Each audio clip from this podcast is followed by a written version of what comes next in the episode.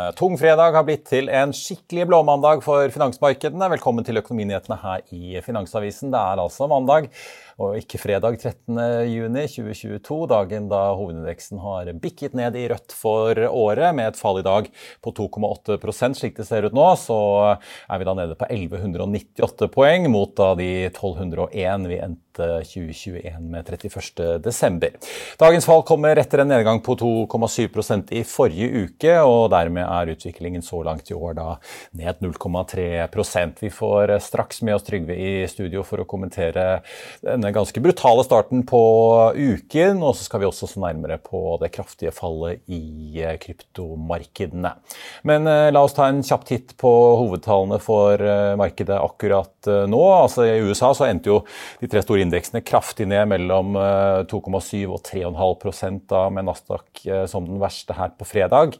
Og denne uken så har vi da sett at oljeprisen starter ned nesten 2% for et fat nordsjøolje i spotmarkedet til 120 dollar og 40 cent akkurat nå. Den amerikanske VTI-oljen ligger da på 118,50, og det er også da ned 1,8% Og De asiatiske markedene var solide i rødt eh, tidligere i dag, og i Europa har vi fulgt etter. og Futuresene på Wall Street peker mot et nytt kursfall da etter da fredagens solide fall, eh, når markedene der borte åpner om en times tid. La oss også ta en titt på noen av de aksjenyhetene som har kommet i dag. Gram Car Carrier er opp 1,2 i dag og er da en av aksjene som faktisk stiger. Fearnley-analytiker Øystein Vågen jekker opp kursmålet fra 150 til 160 kroner og gjentar en kjøpsanbefaling på bilfraktrederiet. Det tilsier en oppside da på rundt 70% fra dagens nivå. Og Apropos ting til havs, ABG er ute med en oppdatering på seismikk, og de sier at de venter sterke tall i andre kvartal fra de tre selskapene de dekker, PGS, TGS og Magsize Fairfield. Meglerhuset skriver at den kommende vintersesongen ser ut til å bli den beste siden 2013. Vi er fortsatt positive til alle tre seismikkaksjene vi eh, dekker, heter det altså fra Meglerhuset, som har kjøpsanbefaling på alle. Og Apropos PGS, som jo som kjent er svært gjeldstynget og nylig hentet penger for å klare seg frem til høsten. Da sier ABG at de på kort sikt tror at PGS er en kjøpsmulighet, og at høy belåning fungerer begge veier, og at en sterk eh, fri kontantstrøm også bør bety at nettogjelden vil falle betydelig fremover. Oppdateringen fra ABG hjelper imidlertid ikke noe særlig på aksjekursen i dag. PGS er ned hele 7,5% TGS 4,5 og Magsize er ned litt over 6% og Blant dagens foreløpig store tapere finner vi også Seaway 7 som i morges meldte at de må ta et tap på rundt 30 millioner dollar etter eh, da forsinket fremgang i Hollands eh, Kyst eh, Syd-prosjektet utenfor Nederland, og denne aksjen er ned 9% Kaoset i luften det fortsetter. Vi vet jo at SAS er i krise og at en pilotstreik er varslet. Nå har Ryanairs spanske kabinansatte sine fagforeninger varslet streik i slutten av måneden og starten av juli etter at det ikke har blitt noen enighet i lønnssamtalene med det irske lavprisselskapet. Det kom frem i en uttalelse fra en talsmann for eh, to, av fagforeningene i Madrid eh, litt tidligere i dag. Ryanair kontrer med å si at fagforeningenes krav er urealistiske, og at de nekter å ha en dialog med flyselskapet på en meningsfull måte. Og den flyaksjen er ned 4 i dag, og da begynner det å nærme seg et fall på nesten 30 av siden nyttår. Så må vi sveipe innom oljenæringen, for oljegiganten BP varsler større grep i sin canadiske portefølje. Ja, vi kan vel nesten si at de går i Equinors fotspor. For BP selger nå sin andel på 50% i oljesandprosjektet Sunrise i Alberta til kanadiske Cenovus Energy. Samtidig så sikrer BP seg Cenovus sin andel i offshoreprosjektet Bay du Nord, der Equinor er operatør. Det ligger utenfor kysten av Øst-Canada. Det er jo et felt med rundt 300 eh, millioner utvinnbare fat olje, ifølge BP. Og BP får betalt eh, det som tilsvarer da inntil 9,2 milliarder kroner for da denne oljesandeierandelen sin, pluss eh, at de da får også da eierandelen i Bay du Nord. SSB er ute med BNP-tall i dag som viser et fall på en halv prosent i Fastlands-Norge i april. SSB peker på at veksten fortsatte i deler av norsk økonomi, og at næringene som ble hardest rammet av pandemien, henter seg videre inn. Samtidig var ikke dette nok til å veie opp for nedgangen man så i kraftnæringen, akvakultur og varehandelen. Før vi går videre i sendingen, husk at du også kan se sendingene våre ved å gå inn på fano-tv, og at vi også har andre podkaster enn bare Økonominyhetene, som Morgenkaffen, Gründerpodkasten Veien hit, Ukens vintips, Kunstpraten og bilpodkasten Mil etter mil. De finner du ved å søke Finansavisen, der du hører på podkast. Da har jeg fått med meg Trygve i studio. Trygve, et ganske surt fall på Oslo Børs eh, samlet sett i forrige uke på 2,7% og så klinker vi til i dag eh, med et eh, nytt fall. Kanskje vi bare skal ta det for de som ikke har fått det med seg. Hvorfor dette store fallet på Wall Street på fredag? Ja, Det er et stort fall, og det er et skummelt fall, og det ser ganske, ganske dårlig ut. Og det, og det var varslet på forhånd. Mm. Det var fordi at Vi har hele tiden sett på det at Inflasjonen i mange land har vært veldig sterk. Sentralbankene har lurt på om de skulle, og de lurer fortsatt på om de skal øke da renten for å få aktiviteten ned. ikke sant? Altså inflasjonen ned og rentene ned igjen. Uh, og det har vært et arbeid som har pågått i lang tid. Altså, altså Inflasjonstendensen har vært veldig sterke veldig lenge.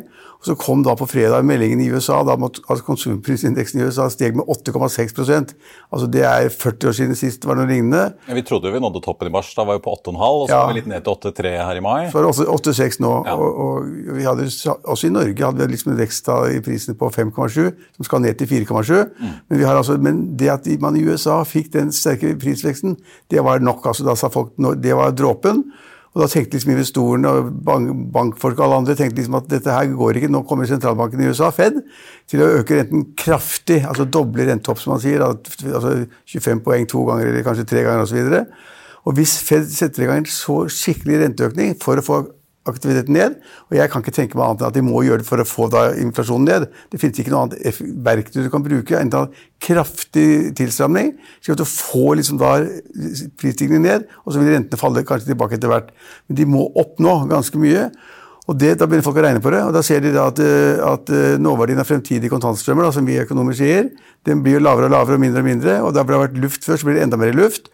Så alt som er dårlig fundert, svake balanser, dårlig inntjening, bitcoin, kryptovalutaer, aksjer eh, hvor på en måte man har priset inn inntekt langt langt i fremtiden, det får en smell nå. Det har fått det tidligere. Du var inne på det, Nasdaq har allerede falt 28% Det er veldig mye. SMP 15-16% eller noe sånt nå.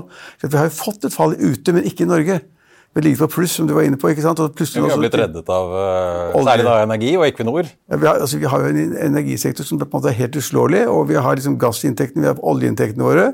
og Vi har også aluminiumsindustrien vår, vi har oppdrettsnæring. Vi, vi, har masse som går så det suser. og Det har motvirket det at liksom, de svake selskapene ikke har fått en smell før. Og nå ser det ut som det med et fall på Børs på 3 i dag. og det var, det var, jo 3 ned på alle børsene i USA på fredag. Hele helgen har man til å tenke på hva som foregår i dag. Og så fikk vi da det startet med én gang, og det har gått ned. og Indeksen er ned 3% og vi var inne på det i Europa er ned rundt 2 Det vil si at hele verden nå lurer på har vi nådd det punktet hvor sentralbankene må virkelig skru til så alvorlig at aktiviteten går kraftig ned. Vi kan gå inn i resesjon. Det er det alle lurer på. og Derfor så selger de aksjer. og De selger først og fremst de dårlige aksjene. Så sitter man kanskje igjen med de få sterke i Norge vil jeg si, da, energiaksjer, som kanskje kan redde noe av fallet ned. Men det er jo noen, noen gode økonomer som sier at nå kan man faktisk risikere å få det fallet man bare tøyset med før, nemlig et fall på 30-40 på, på store børser verden over, hvis resesjonen kommer.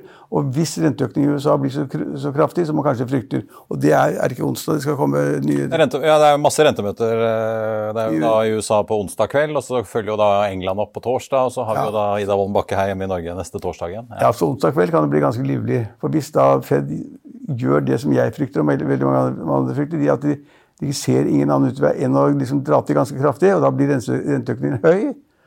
Eh, da blir det livlig på børsene på onsdag og torsdag. Ja, altså, altså, De har på en måte et dobbelt mandat der borte, både for å holde prisveksten i sjakk, men de skal også sikre full uh, sysselsetting. Så det blir jo ganske interessant å se den avveiningen mellom hvor mye skal man trekke til eh, ja. i et ganske brennhett arbeidsmarked der borte også? Der, der, der er det faktisk altså, tror jeg, 11 millioner ubesatte stillinger, ja, så er det fire-fem arbeidsløse.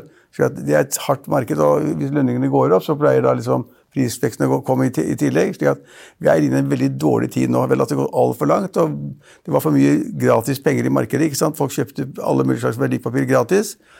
Uh, og så har det da på en måte blitt så mye at man må dra til, og så ser man at når man begynner å regne på det, så går, så går det gærent. Og da bare gjentar jeg meg selv litt. Da, altså, den type ting som var på en måte noe vi, vi har, Det er så dumt å si at vi advart mot det, vi har jo advart mot det. Men bitcoin og den type ting som på en måte er null substans i, de ryker først. Da har vi sagt at bitcoin-kursen har falt til ja, Vekst og gründerbedrifter og alt som på en måte ja. ikke har noe særlig inntjening i dag, blir jo straffet hardt. da. Ja, bitcoin som da på en måte, Det er ikke noen substans i, har man kranglet om det kan bli det, og det er det nye gull osv. Som det er bare latterlig. latterlig. Og så har prisen da falt da liksom ned til 24 eh, 000 dollar per enhet eller sånn nå, fra noen og 60. og Vi har hatt et fall på 70-80 og det er og, og sånn vil vi se over en bred front nå, at det dårlige vil gå ut og vil bli solgt. og det man vil forsøke å finne godbiter. Man, man vil forsøke å finne bransjer eller selskaper som på en måte vil klare seg gjennom en nedgangstid, i en resesjonstid. Resesjonen kommer ikke på én gang. altså Resesjonen er liksom bare svikt i BNP to kvartal for rad. Det kommer ikke med en gang, men folk frykter, og så handler de deretter. og Derfor ser det skummelt ut. Ja. Men det er jo, jeg ser jo Diskusjonen går jo i hvert fall her hjemme hva Norges Bank egentlig skal svare med. da. Jan Ludvig Eika var jo ute her i Dagsnytt 18 og mente at nå er det krig, så man kan ikke tenke eh, tradisjonelt å drive og jekke opp eh, rentene, for det er ikke det som egentlig er problemet. Problemet er krigen. Ja, jeg, nå diskuteres det jo i USA. Så jeg, altså, man begynner å snakke om at de kommer til å jekke opp rentene med e, ett prosentpoeng. Altså, det er omtrent samme farten som man kuttet da koronapandemien kom, bare med motsatt fortegn. Ja. ja. Men det er, det, er krig, altså det, er, det er, krig, men man må jo da bruke de virkemidlene man har. Man kan jo ikke ha en altså den, inflasjonen i USA på 8,6% altså det, snakket snakkes om dob altså en dobbel økning da, ja, fra Norges Bank neste torsdag òg, her hjemme? Ja, altså ja. det har vært spådd altså, enklere økning på 25 basispunkter flere ganger, syv ganger. slik at renten skal komme opp, da sentralbankrenten skal komme opp på 2,5 i midten av neste år. Men Det kan godt tenkes at de slår til mer, men jeg tror ikke kanskje de gjør det i Norge. Mm. Jeg tror ja, faktisk at det er, det er, større risiko for at de slår til litt for hardt, eller kanskje hardt, i USA på onsdag eller torsdag. og det det er det som er det skumle. Folk er redd for hva som skjer i USA. Er, man er ikke redd for hva som skjer i Norges Bank, det tror jeg ikke. For vi, vi, er liksom litt disiplinerte. Vi har liksom sagt at det kommer renteøkninger. Norges Bank har sagt at det kommer renteøkninger. Og de kommer liksom med jevne mellomrom hele tiden. Det er bare spørsmål om blir det syv ganger eller seks ganger, eller blir det én gang 0,5 og én gang 0,25. Vi er på en rentebane som alle forstår og alle ser. Den tror jeg ikke kommer til å bli vesentlig forstyrret av dette her. Du ser jo at Joe Biden er jo ikke veldig populær der borte om eh, dagen. Så det, jo, det, det, svir jo for folk flest. Du hører jo liksom om matpriser som stiger, flybilletter stiger. Alt stiger jo. jo men vi har jo ny rekord i bensinpriser i USA. ikke sant? At ja, ja. Amerikanere som fyller på tanken 5 dollar gallon er det, de nye snittet nasjonalt. ja. De skjønner jo ingenting. Det, hva blir det i kroner? 13 kroner om 30 literen. 13 ja. kroner riktig. Så de, når de amerikanerne betaler 13 kroner i den såkalte kjøresesongen, da, bilsesongen som kommer nå, så blir de forbanna. På samme måte som man Det er sånn strømprisen her hjemme? Ja, ja, men også sånn bensinprisen. Hvis du går inn på bensinstasjonen og spør folk som fyller på, og fyller og betaler 1500 kroner 2000 kroner på tanken, så er de forbanna. ikke sant? Dette går ikke an, og dette er fælt, osv. For den er, liksom, den er så synlig. De fyller tanken, og de betaler cash ut med kort. Man, man, ser hva det koster, og det er ikke bra. Og nå kommer vi også inn i noe som ingen har nevnt. Nå kommer man inn i båtsesongen. ja, Du skrev om det i lederen i dag, for du ja. tror jo dette kommer til å svi for regjeringen etter hvert? Eh, hvis ikke disse prisene ja, begynner å roe seg? Ja, jeg mener at de svir nå pga. Altså strømprisene, selvfølgelig, og så bensinprisen. Og så kommer, da skal man fylle tanken på båten. Det kan være en luksusbåt, en middels stor båt skal fylle tanken, og så koster det 3000 kroner. Når man har gjort det et par ganger, så tenker man på Jonas Gahr Støre. Hvem er skyld for dette her? Og, og Trygve Slagsvold Vedum. Hvem er skyld? Finansminister og statsminister. Så De har et veldig dårlig lende foran seg. De skal liksom få motstand fra masse markeder. Og da er det spørsmål, Hva gjør de? Har de noe de kan gjøre? Nei, de kan ikke det. Og Frp krever jo da at bensinprisen skal settes ned, avgiftene skal senkes osv. Det, det blir et spill av dimensjoner, og hvor folk, da, folk flest vil jo få også økte matpriser fra 1.7. Da slår de prisene som da for disse store kjedene, kjedene har forhandlet igjennom. ikke sant? De slår ut 1.7. Og mange tror, jeg tror at matprisene kan stige 5-10 eh, i året i år. og det er klart at Har du den stigningen i matprisene, så har du den stigningen i bensinprisen, så har du den stigningen i strømprisen. Og så har du bommet helt på tariffoppgjøret. Ja, Det var det jeg skulle å si. Det ble jo ikke, ikke noen reallønnsoppgang for folk flest i år. Nei, og det trodde alle. Mm. Det trodde altså, uh, Med 3-7 så trodde man at det var litt å gå på der. Men... Ja, men Sjefen for Fellesforbundet, Fellesforbundet sa senest i dag at han var helt sikker på at de skulle få en reallønnsvekst. og Derfor godtok de en, da, en ramme som det heter, på 3,7 Og så er da prisveksten nå så høy Uff, så er den borte. hele den reallønnsveksten er borte. Og, og, og, da negativ reallønnsvekst sammen med da økte priser overalt, det gir jo et veldig, en dårlig stemning. Så hadde det vært valg altså hadde det vært valg nå om et halvt år, så hadde regjeringen røket som bare det. Men de, regjeringen har den fordelen at de kan jo vente helt til 25, mm. 2025 før da vi får et nytt valg. Men vi har, vi har et kommunevalg i mellomtiden som også kan slå ut. at det er altså, dårlige tider, dyrtider som det kalles, det er ikke bra. Hvis man da får kraftig fall i aksjekurser, slik at folk sparer penger. De som har plassert, det er en halv million mennesker det også, som har da plassert pengene i sparepenger. Så får vi dårlige tider. Selv om sola skinner ute og alt ser bra ut, så, får, så ser det ut som vi kan få litt dårlige tider. Ja, det sprer seg jo disse kostnadene til alle bransjer. Men øh hva kan man gjøre som investor, da? Jeg så litt interessant, da, for Vi hadde jo besøk av Jan Petter Schissen for ikke så lenge siden, som var opptatt av at en ting er jo hovedindeksen, men fondsindeksen, som han og alle de andre må forholde seg til, har jo ikke gått så sterkt som, som uh, hovedindeksen. og Det er jo i stor grad da takket være Equinor. Nå er jo den fondsindeksen på Oslo Børs ned 5,2% i år. Uh, Oslo Børs da så vidt i minus. Eh, det er jo da takket være at Equinor har gjort det såpass bra. Men ja. hvor skal man sette pengene da, Trygve? Nei, ja, altså, det, det, det, er et veldig godt spørsmål, for folk lurer på hva de skal gjøre. Og, og, jeg mener at de, altså man må ikke gå inn generelt på bred basis i markedet og kjøpe liksom fondsandeler og liksom være med overalt det, det, som kan redde folk nå, det er at de finner akkurat de bransjene, de selskapene, som tjener penger nesten uansett, og som har en god balanse. Lite gjeld, tjener penger. Eh, de vil klare seg ganske godt. Og det, vi, kan, vi, kommer ikke utenom Equinor, vi kommer ikke utenom Aker BP, vi kommer ikke utenom de selskapene som har stor innen energi. Der kan det fremdeles være hold. og det er klart at Oljeprisen ligger på 120 dollar fatet. Den var oppe i 123-124 i forrige uke. Så har det falt litt ned. men Inntjening er jo likevel vanvittig. Det er akkurat det. Inntjeningen i oljeselskapene og energiselskapene er vanvittig. De tjener masse penger. Kanskje dobbelt av det vi trodde for tre uker siden. De som gikk under, det er helt utrolige tall. Og de vil komme frem etter hvert. Eh, og, de, og Derfor skal man liksom da ok, Glem de der Kahoot og de selskapene hvor det er luft og fremtidige inntekter. Bare de som pumper penger opp nå, der kan man være. Så er det også noen shippingselskaper som sannsynligvis da har gode tider. Folk skal ha gass, de skal ha LPG, de skal ha LNG. Eh, de skal kanskje ha biler, hva vet jeg. Du var inne på Grand Car Carrier, jeg vet ikke. De har jo gått mye disse bilfraktlederne, ja, men det er jo men, åpenbart men det, det, det kan tenkes at det er shippingselskaper. De har, shipping har vært en ensom sak det siste halvåret. Tank er krise, det er negative rater. Det er negative, det vil jeg ikke forklare her nå. Men, men, men, er, men man kan finne altså, noen shippingselskaper hvor det er eh, hold, og hvor det er liksom noe å gå på. Så har vi energiselskapene, de kan man sette penger i. Og så er det også, Nå skal jeg være litt forsiktig og si noe om det, men, men det er altså vanvittig positive tall i i, i hotellnæringen for tiden. Altså, Petter Stordalen forteller om at er, alt er fullt i alle hotellene hans. Scandic, som er en annen kjede som vi har noen interesser i, er fulle hele tiden, de også. De sendte ut en melding ja, så market, DB Markets var ute og oppgraderte Scandic eh, i dag, faktisk. Ja, ja det, det, er fordi at selskapet sendte ut, så det er ikke noe jeg sier, det sendte, sendte ut en guiding på torsdag eller fredag hvor det kom helt ville gode tall. fordi at folk skal feriere. De skal feriere i Norden, de skal feriere i hjemlandet. og Fyller hotellene, og, liksom, og, og, prisene går opp. Skinnbrakke. Ja. Kostnadene går ned. så det er, det er, nesten helt skummelt. Så det finnes næringer nå.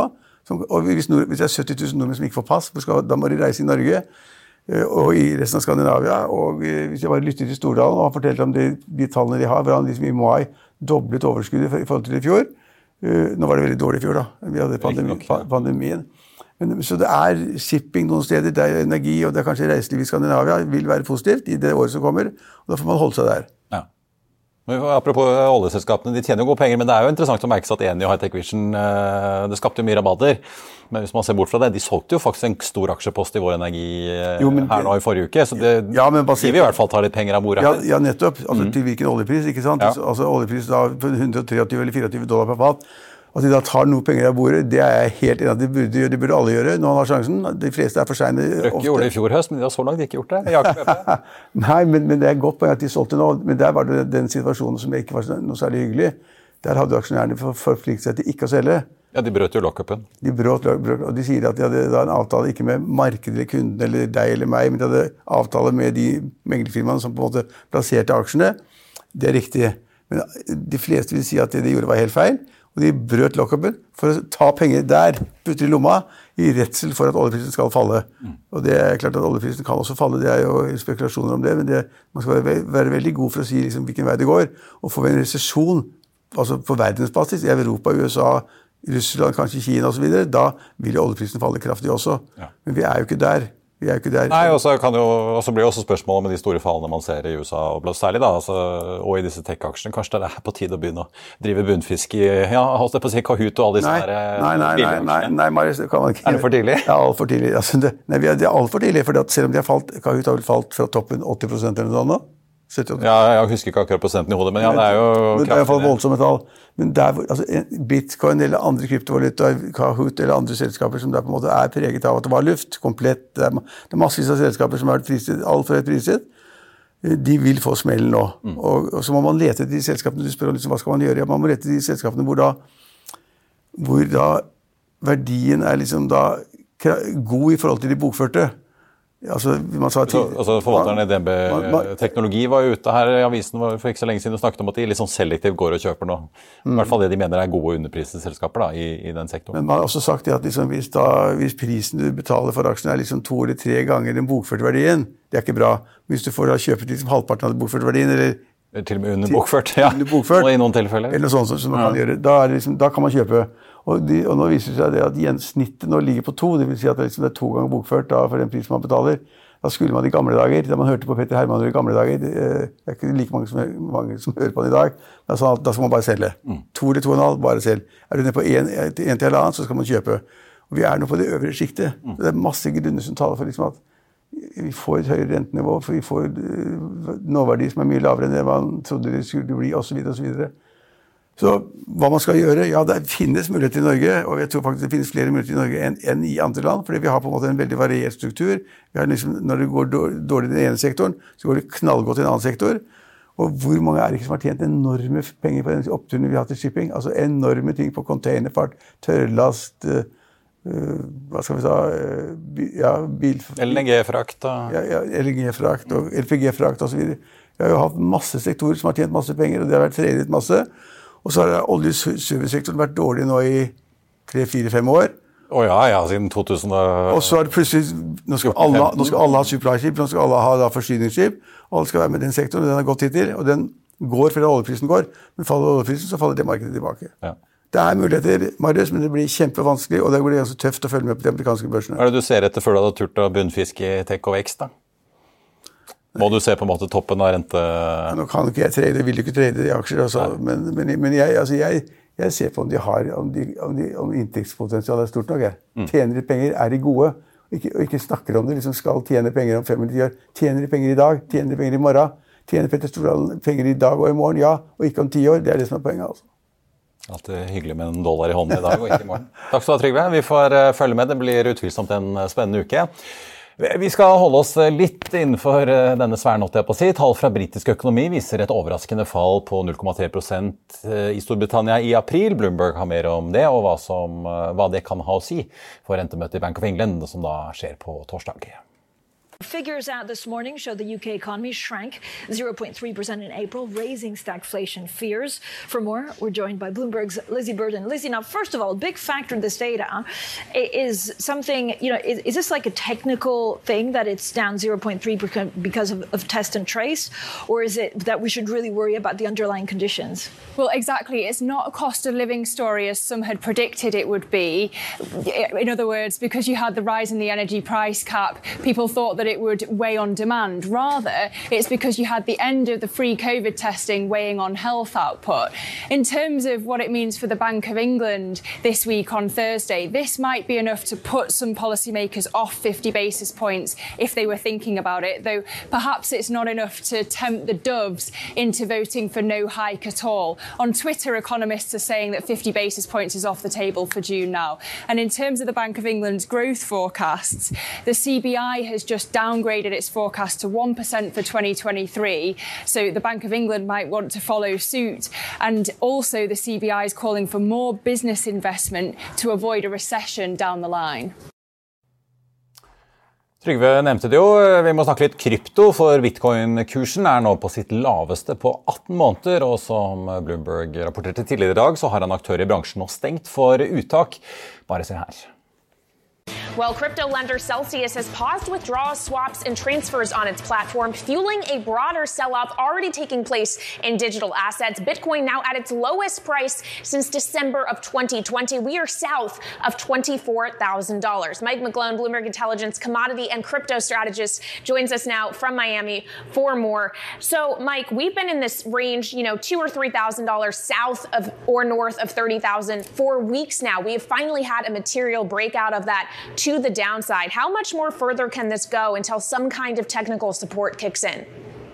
Well, hello, Kaylee, and good morning. I think what you're seeing is the beginning of the great reversion of 2022. And as cryptos is, was the highest beta market going up, so it's the highest beta market going down. So I think the next key levels are, are Bitcoin and Ethereum has been a key indicator is around 20,000 in Bitcoin, Ethereum around $1,000. But the key thing that shows the significance of Bitcoin, Bitcoin told us on Saturday morning when it started breaking down that this was going to happen in all assets. And that's what's really changed is Bitcoin is going to come out of this ahead. But I think the key thing to think about is when people say inflation is not transitory anymore, you got to look on the streams and say that shows you how, how transitory inflation is going to be. And the next key issue is going to be deflation. But this time it's going to last a while, a while because all assets are going down. And so to me, big cryptos and Ethereum, it's just the first, they're the good leading indicator now. Vi tar med på tampen at det har kommet en flaggermelding fra Kongsberg Gruppen om at styreleder Eivind Reiten gjennom sitt investeringsselskap Mokka Invest har kjøpt 1000 aksjer til i Kongsberg Gruppen, og er dermed oppe i 3850 aksjer. Han kjøpte de aksjene for 323 kroner og 35 øre. Det er jo en aksje som har gått uh, veldig opp i år på da, spekulasjoner i økte forsvarsbudsjetter og usikkerhet rundt krigen etter Russlands invasjon av uh, Ukraina. og Den aksjen er ned halvannen prosent i dag og ligger nå på 319 kroner. Den aksjen fiksa jo et kraftig fall da resultatslippet på da regnskap for første kvartal kom. Da selskapet snakket om da forsinkelser i leveransekjeder og usikkerhet i disse. La oss ta en titt ellers på utviklingen i markedet nå på tampen av dagen. Hovedindeksen på Oslo Børs er nå ned 2,4% til 1202 poeng. Og på listen over de mest omsatte aksjene så er det bare to som er i pluss, det er, og det er så vidt. Det er Telenor og Movi som begge er opp 0,2% i dag. Ellers er det rødt jevnt over. Equinor ned 3% Subsea 7 er ned 12,15% riktignok da x utbytte. Men det store fallet skyldes jo da at Seaway 7, dette selskapet som ble spunnet ut, er ned 12% bl.a.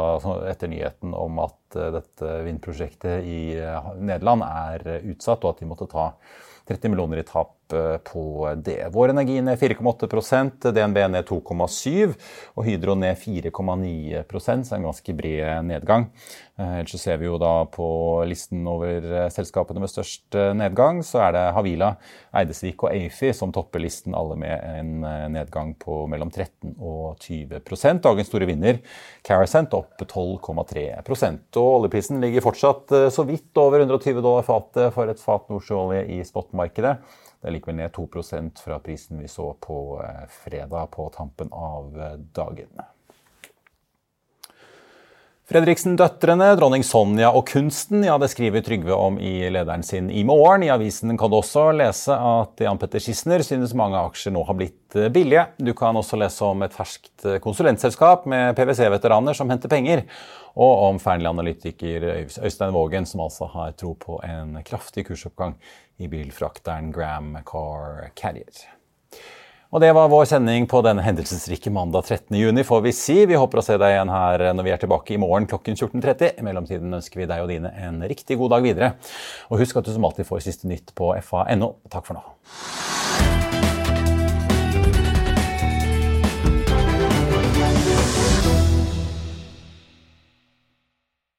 Økonominyhetene er en podkast fra Finansavisen. Programledere er Marius Lorentzen, Stein Ove Haugen og Benedikte Storm Bamvik. Produsenter er Lars Brenden Skram og Bashar Johar. Og ansvarlig redaktør er Trygve Hegnar.